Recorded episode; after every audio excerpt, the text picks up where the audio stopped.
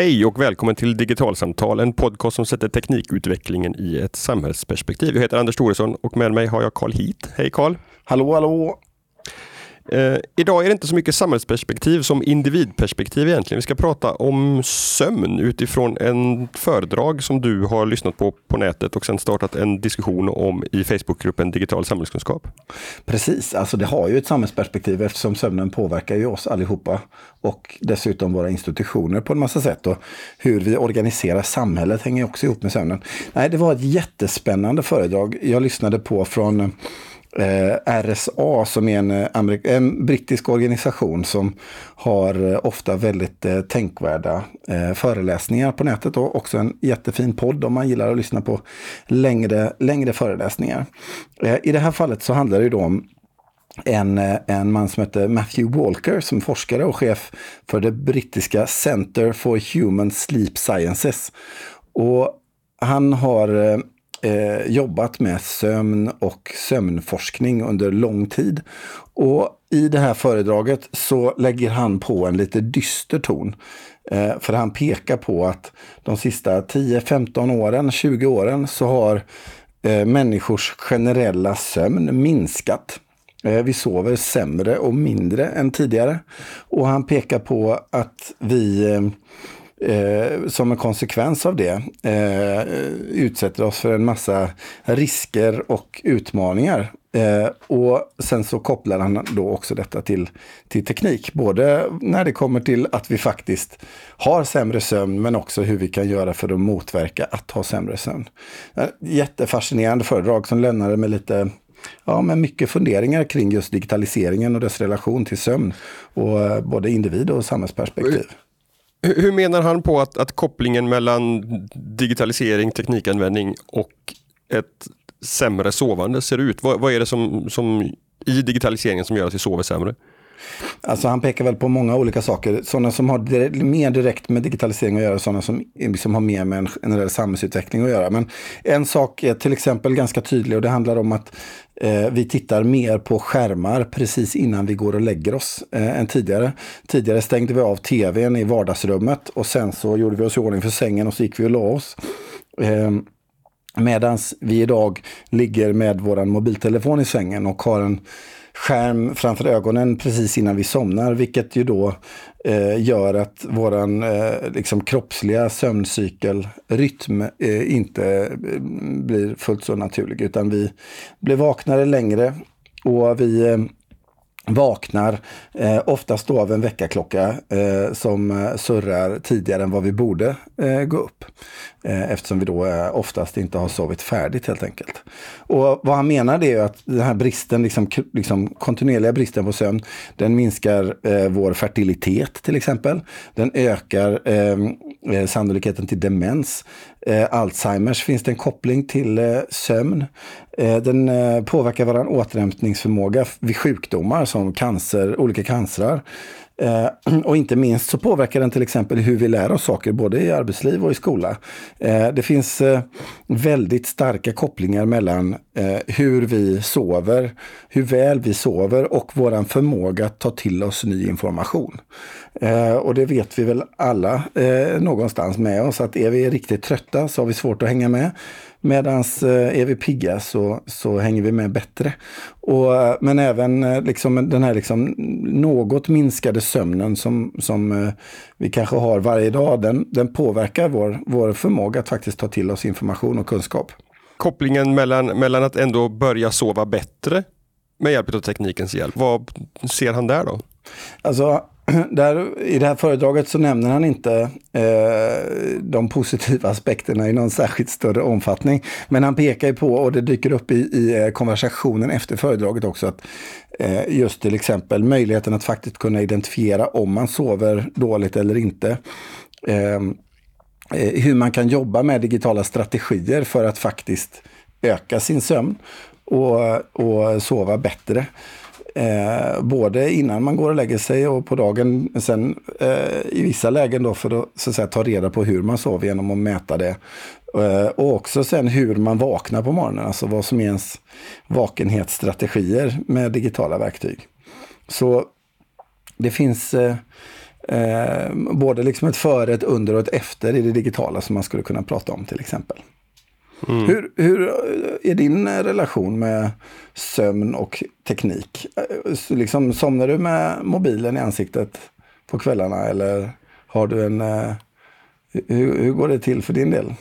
Uh, ja, alltså jo, det händer väl att, att, att jag tittar på mobilen bland det sista som jag gör. Även om jag, även jag försöker vara aktiv, liksom välja bort det, att, att inte göra det, så blir det väl ofta en sista koll på Facebook, en sista koll i Twitterflödet, en sista koll på Instagram in, innan jag somnar. Det, det, måste jag väl erkänna. Och jag, jag, vet inte om jag personligen känner någon, någon stor någon stor påverkan utav det, men, men, men det finns säkert. Det, det som jag däremot gör och som jag märker påverkar nattsömnen det är att mm, om jag varit uppe och, och bäddat om barnen mitt i natten för att de har vaknat till eh, och då kan jag ibland ha svårt att låta bli att kolla, kolla, kolla flödena eller nyheterna innan jag somnar om igen.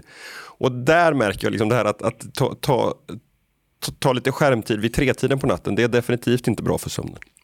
Nej, alltså jag är ju en lika stor kålsupare som du är där vad gäller telefonanvändning på kvällen. Eh, jag är absolut en sån som eh, kollar mina flöden och eh, gör någon anteckning och vad det kan vara för någonting precis innan jag, innan jag somnar. Eh, däremot så har jag liksom funderat och klurat mycket på det där med liksom notifieringar och hur min telefon är förberedd för att jag ska sova. Eh, för det är en sak att jag tittar på saker och ting och får det här skärmljuset och så. Eh, det har vi avhandlat och det eh, påverkar ju naturligtvis då sömnen. Men en annan sak det är ju notifieringar eller påminnelser eller vad det nu kan vara för någonting. Och, och eh, i, i, mitt fall så har jag, ser jag till att telefonen när jag somnar, jag har gjort en sån där inställning i den så att den eh, går liksom i ett nattläge vid, vid tio på kvällen någonstans och sen så eh, kickar den igång igen vid sex. Eh, och, och stryper alla notifieringar under tiden. Ja, precis. De mm. få som jag nu ändå har i min telefon. Mm. Eh, för att liksom eh, se till att jag faktiskt inte, inte vaknar av att det liksom händer någonting i telefonen. Utan jag behöver aktivt ta tag i den i så fall liksom, på något sätt. Eh, men när jag började fundera på det så slog det mig att det är intressant att se vad som är defaultläget. Alltså vi vet ju att ursprungsläget för hur en process går till. Det så att säga sätter tonen för hur, hur vi sen förhåller oss till det. För ett antal veckor sedan så pratade vi om design och hur mycket design påverkar oss. Och just den, eh, den här designen som handlar om vad som är utgångsläget i en teknologi. Eh, det påverkar hur vi förhåller oss och använder den väldigt mycket. Och just vad gäller sömn så slog det mig att alltså, i princip all vår teknologi som jag kan komma på, den är ju designad för att vi alltid är vakna. Alltså man behöver aktivt gå in och göra den här inställningen att jag sover mellan vissa klockslag och då går notifieringarna ner och, och så vidare. Det kräver att jag är liksom medveten om hur jag förhåller mig till min telefon. Eh, för att sen gå in och göra de här olika typerna av inställningar och sånt där. Eh, men om jag inte har den aktiva medvetenheten eh, så kommer ju min telefon så att säga bete sig utifrån idén och föreställningen om att jag är vaken. Eh, och det där behöver ju inte vara fallet. Alltså det handlar ju om någonstans god människocentrerad design på något sätt. Att också ta hänsyn till i designen av en teknologi att vi faktiskt behöver sova en viss tid. Och det gäller ju också liksom våra omkringliggande system. Alltså det är intressant det där med varför vi går upp när vi gör varför skolor börjar när de gör. Det finns ganska fin forskning vad gäller till exempel tonåringar och sömn som pekar på att det här med att man liksom går till skolan väldigt tidigt och går upp, det påverkar resultaten i negativ riktning och att det faktiskt hade varit mer rimligt om gymnasieskolan, framförallt kanske årskurs 7 till 9 också, börjar senare än vad den eh, gör i normalläget. Så, så eh, vi har liksom på, på något sätt ett utgångsläge vad gäller sömn där, eh, där vi liksom, våra tekniska system utgår ifrån att vi är vakna och även våra organisatoriska system runt omkring oss. Ja, så, så, så är det ju, men, men jag vet inte riktigt. Alltså det, det, det, känns som att där behöver man ju ta ett ganska stort tag för att, för att för, förändra det. Och, och ska man se pragmatiskt på det så känns det som att det, det blir ändå ett, ett ganska stort personligt ansvar här och nu och se till att man får den sömnen som man, som man behöver. Jo, absolut. Men jag, vad jag är inne på det är att det hade ju varit möjligt för de till exempel leverantörerna av mobiltelefon operativsystem, Apple och Google, att faktiskt eh, bygga in en design som är utgår ifrån att människor behöver en viss typ av sömn. Och så är defaultläget att vi går och lägger oss eh, vid en viss klocklag. Jag tänker till exempel på när Apple eh, eh kom med sin klocka. Då införde de ju en eh, eh mojäng som innebär att eh, som innebär att man eh, ska resa sig upp var 50 minut eller något sånt där. Som mm. defaultläge. Att defaultläget mm. är att om du köper den här klockan så uppmuntrar vi dig att röra på dig med jämna mellanrum. Eh, ja, man får de... en, en, en, notifiering eh, om att man ska ställa sig upp en gång i timmen och ett, ett mål att man ska ha stått upp åtminstone under 12 utav dygnets vakna timmar. Ja, och, och här har ju Apple gått in och liksom tagit en liksom aktiv roll i designen av sin digitala produkt och sagt att mm. vi tror att det är bra att människor står upp. Därför så bygger vi våran klocka på ett sätt så att folk står upp. Men eh, inte i samma utsträckning så förhåller vi teknologin sig till att vi också sover. Så här menar jag på att eh, det skulle ju absolut, jag, menar, jag skulle tro att effekten skulle vara betydligt större om det var så att eh, defaultläget i vår teknologi tog hänsyn till sömn. Eh, snarare än bara till vakenhet. Att liksom, den sig. Du startar din telefon eh, för första gången när du köper en ny telefon. Så frågar den dig, när brukar du gå och lägga dig? Och så säger du, ja, jag går och lägger mig vid 11 eller när det nu är. Ja, då så anpassar den sig efter det. Helt enkelt. Och sen så kanske den tweakar sig över tid när den lär sig när du sover och är vaken. För det vet ju telefonen. Ja, funktionen är, är ju inte där på default, men åtminstone i Apples telefoner så finns ju en funktion i klockan som heter läggdags där man kan ställa in när man vill gå och lägga sig och när man vill vakna och sen får man en pushnotifiering att nu är klockan i mitt fall nio, det är en timme kvar tills att du ska gå och lägga sig. Det är dags att börja göra sig i ordning för att komma i säng i tid. Så att funktionen finns där men det är ju som du säger att, att den måste sökas upp och man måste känna till att den finns där. Eh, men, men på så sätt så, så får, får jag åtminstone teknikens hjälp att bli påmind om att nu närmar det sig. Men du använder den, sen, du har satt på den funktionen alltså? Mm, den, den, den, funktionen har jag på. Uh, varför vet jag inte, därför att problemet för mig är inte att komma ihåg att det är dags att gå och lägga sig, utan snarare att ha fått gjort allting som jag behöver göra innan jag går och lägger mig. Och det är snarare liksom allting som är livspusslet för att vara, använda ett, ett slitet begrepp som, som gör att jag inte får den sömnen som jag behöver. Inte att jag inte vet att jag borde gå och lägga mig. Så om jag förstod det rätt där i tråden på digital samhällskunskap så använder du, liksom, du tar till olika typer av strategier för att liksom, eh, låta tiden du är vaken och med, så här, måste göra saker minska helt enkelt. Genom, och, och på så sätt så gör du det lättare för dig att komma i säng i tid.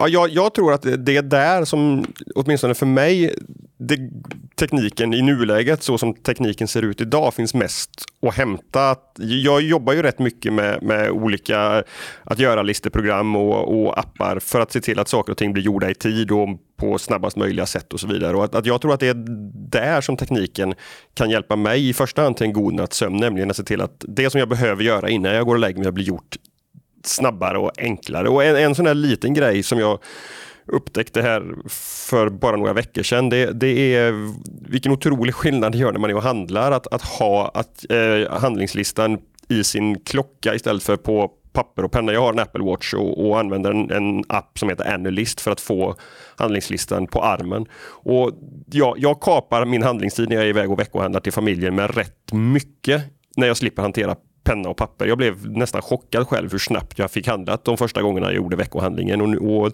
det där är liksom ett sånt där litet sätt där tekniken kan, kan hjälpa till att faktiskt frigöra tid till att komma i säng i, i tid. Men, men jag har också använt tekniken på ett, på ett annat sätt. Eh, jag kommer inte ihåg vilken det var app det var som jag använde eh, och om det var i samband, tillsammans med ett rörelsearmband för, för några år sedan. Som, som eh, loggade nattsömnen och gjorde möjligt att korrelera den med andra faktorer. Man kunde mata in eh, hur mycket kaffe jag hade druckit, när på dagen jag hade tränat och ett antal andra sådana variabler. Eh, och här blir en brasklapp då för att man måste lita på att de algoritmerna som mäter min sömn, hur bra den är, eh, hur djup den är och så vidare, att de verkligen fungerar. Men ska man tro på den analysen som gjordes då så är jag inte alls så påverkad av koffein som jag trodde när jag väl sover.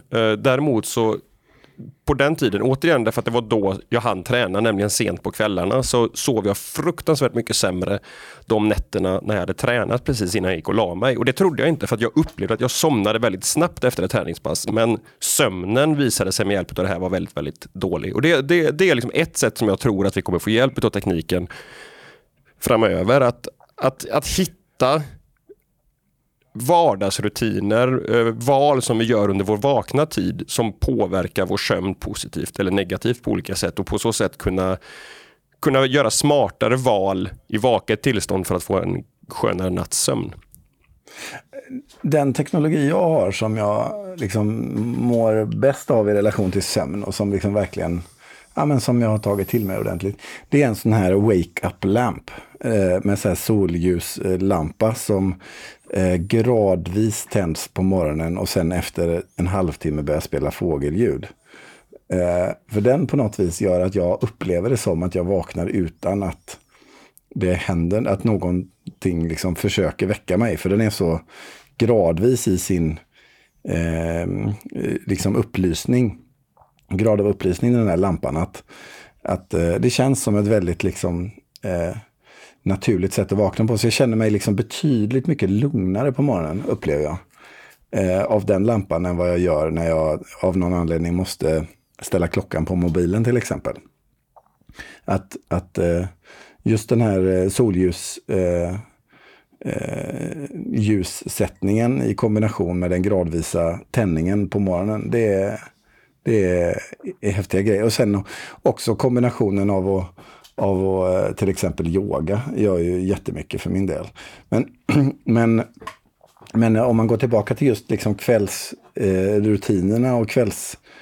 Eh, eh hur, hur, det är på kvällen i relation till teknologin. Så där kan jag uppleva att det är liksom ja, men lite kluvet på något sätt. För eh, det är också sådär att vissa typer av saker som jag gör, till exempel med telefonen, upplever jag inte alls liksom är så eh, påfrestande för mig innan jag somnar som vissa andra saker är. Eh, jag lyssnar mycket på podd till exempel. Och jag kan mycket väl liksom lyssna på och sen ställa in telefonen eh, på att eh, liksom ha så här snooze i en, i en podd. så jag lyssnar och vet att liksom, jag kommer somna inom tio minuter. Så jag sätter snosen på tio minuter så får jag backa några minuter för att sen lyssna vidare dagen efter och och eh, att då bara ha ett ljud och inte en skärm till exempel. Det, det är för mig inte liksom... Eh, ja, det, det, det är ett mycket trevligare sätt att somna på. Om jag jämför med om jag liksom sitter och pillar med telefonen. Och sen är det skillnad på om jag till exempel råkar få ett liksom, jobbigt mejl eller något som jag av någon outgrundlig anledning väljer att aktivt titta på på kvällen. Och att det liksom, eh, en utmaning med just mobilen det är ju att den är så många olika saker på en gång. Eh, och det som är det som gör den och ger den liksom dess styrka, att det faktiskt är den här liksom eh, eh, multikompetenta verktyget. Eh, det kan också då i ett sånt här fall också bli liksom utmaningen helt enkelt. Eh, e-posten där är ju intressant. Det, det har jag slutat med sedan många år tillbaka och brukar också prata om när jag är ute och föreläser om, om, om just eh, e-post och, och, hur man ska jobba på ett effektivare sätt med, med datorn till hjälp. Att, att inte kolla mejlen det sista man gör innan man går och lägger sig. Därför att risken att, att det finns någonting där eh, som, som man går igång på, antingen på ett positivt eller på ett negativt sätt, är alldeles för stor för att det ska vara värt det. Du kan ändå inte agera på det när det är tre minuter kvar tills dess att du ska faktiskt sova. Eh, och helt enkelt skita i att, att dra igång mailprogrammet i telefonen för att inte låta hjärnan varva upp igen är ett ganska enkelt sätt att, att ja, få, få en bättre nattsömn helt enkelt. Ja, men eh, för mig där, ja visst jag håller med om mejlen, men samtidigt så är det också så att till exempel Facebook har ju kommit att bli eh, över tid i min arbetssituation ett lika stort arbetsverktyg som mejlen är. Eh, och likadant med andra eh, eh tekniska plattformar. Och det gör att det är inte bara mejlen för min del, utan det kan ju vara, det, samma sak kan ju uppstå i en annan app. Alltså den här gränsen mellan vad som är en arbetsapp och vad som är en fritidsapp. Det suddas liksom ut och det försvårar ju liksom, om jag skulle liksom välja att begränsa min mobilanvändning på något sätt eh, innehållsligt så blir det liksom ändå komplext. Utan jag landar i att min lösning blir att jag helt enkelt har den här notifieringslösningen och att jag sen lyssnar på poddar men inte Liksom, det enda jag använder äh, äh, mobilen till när jag sen har gått och lagt mig det är ljud. Om det nu är så att jag vill, eh, vill sova men ändå liksom ta del av telefonen på något sätt. Men det är ju klurigt alltså. Och vad som varit intressant också eh, tycker jag när vi öppnade upp den här eh, tråden i digital samhällskunskap, det var hur många appar folk faktiskt använder för att på olika sätt hantera sömn och vakenhet eller näraliggande saker. Det var, dök upp tips på ehm, appar för att ha koll på sin migrän, till eh, sömnappar såklart. Appar som har koll på när man gör olika typer av aktiviteter eh, och hur det spelar in i relation till sömnen. Sen har vi de här olika typerna av sömnloggningsteknologier, om det nu är liksom ett armband man har eller om det är telefonen i sig självt eh, och så vidare. Så det är ju alldeles uppenbart att för många så har teknologin i relation till sömnen kommit att spela en, en ganska viktig roll.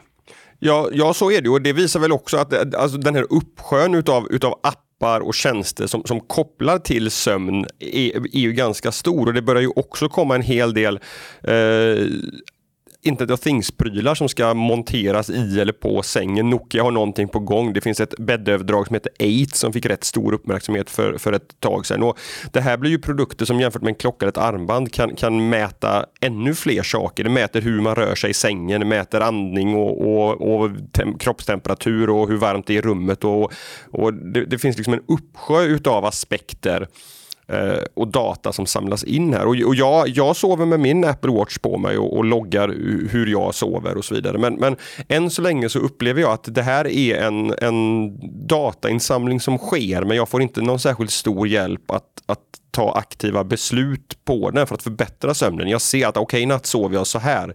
Men just den här eh, korrelationen, kopplingen till andra val som jag har gjort som skulle kunna påverka sömnen eh, finns inte därför att den här datan hamnar i en silo än så länge och, och, och kopplas inte till andra saker. Så det, det, det, tycker jag... Så du menar att din sömndata skulle liksom, om du hade kunnat korrelera den med många andra saker och kunna se större mönster så hade den kanske varit mer värdefull för ja, dig? Ja, men precis. Så, som den här upptäckten då som jag gjorde för några år sedan, eller åtminstone hinten om att, att för mig så är det så att, att träning eh, på, på kvällen är, är ett dåligt val därför att det påverkar min eh, nattsömn negativt så skulle jag vilja kunna, kunna se andra sådana kopplingar också. Om jag, eh, jag, jag, mediterar, det spelar någon roll vilken tid på dygnet jag gör det för att sova bra. Jag dricker kaffe, spelar någon roll när och hur mycket och, och, och så vidare. Så att där, och där tycker jag att jag, jag ser rätt många nya teknikföretag som, som har produkter på gång där. Men, men där, där hamnar vi också i det här som, som vi har varit inne på många gånger i, i den här podden, nämligen att, att kunna lita på de de algoritmerna som, som påstås leverera svar. Och att jag, jag tror också att det, det, finns en ganska markant risk att det blir placeboeffekter i det här. Att, att det, det, finns matematiska modeller som hävdar någonting och så agerar man på det och så tycker man att man, man sover bättre. Men, men jag är inte så himla säker på att, att det alltid kommer, kommer vara så. Jag tycker att det är ett jättespännande fält men, men mm, vi får se. Så det är lite intressant, eh, just det där vad gäller liksom internet of things-prylar och sömn. Eh, jag gick in på kickstarter.com som ju är en sån här webbsida där du kan backa ännu inte framtagna produkter. Eh, som är, I vissa fall så blir de stora som Pebble-klockan som jag har till exempel. Och i ganska många fall så, så rinner det ut i sanden. Men om jag bara går in och tittar på sömn och eh, produktdesign. Då dyker det upp 229 projekt i den, de kategorierna.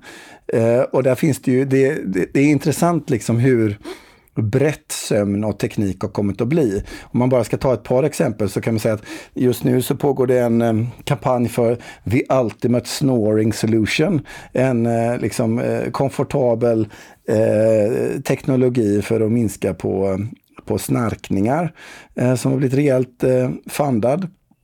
Eh, vi har eh, till exempel Somnox, världens första sömnrobot.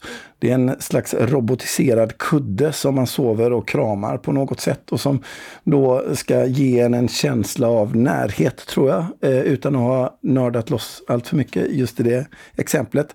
Sen har vi eh, Manta Sleep Mask, World First Modular Eye Mask. Eh, vi har eh, Cocoon EEG-hörlurar som känner av hjärnvågor och ger dig olika dynamiska ljud för att öka på din sömn. Och sen finns det en uppsjö med kuddar, tecken med tyngder.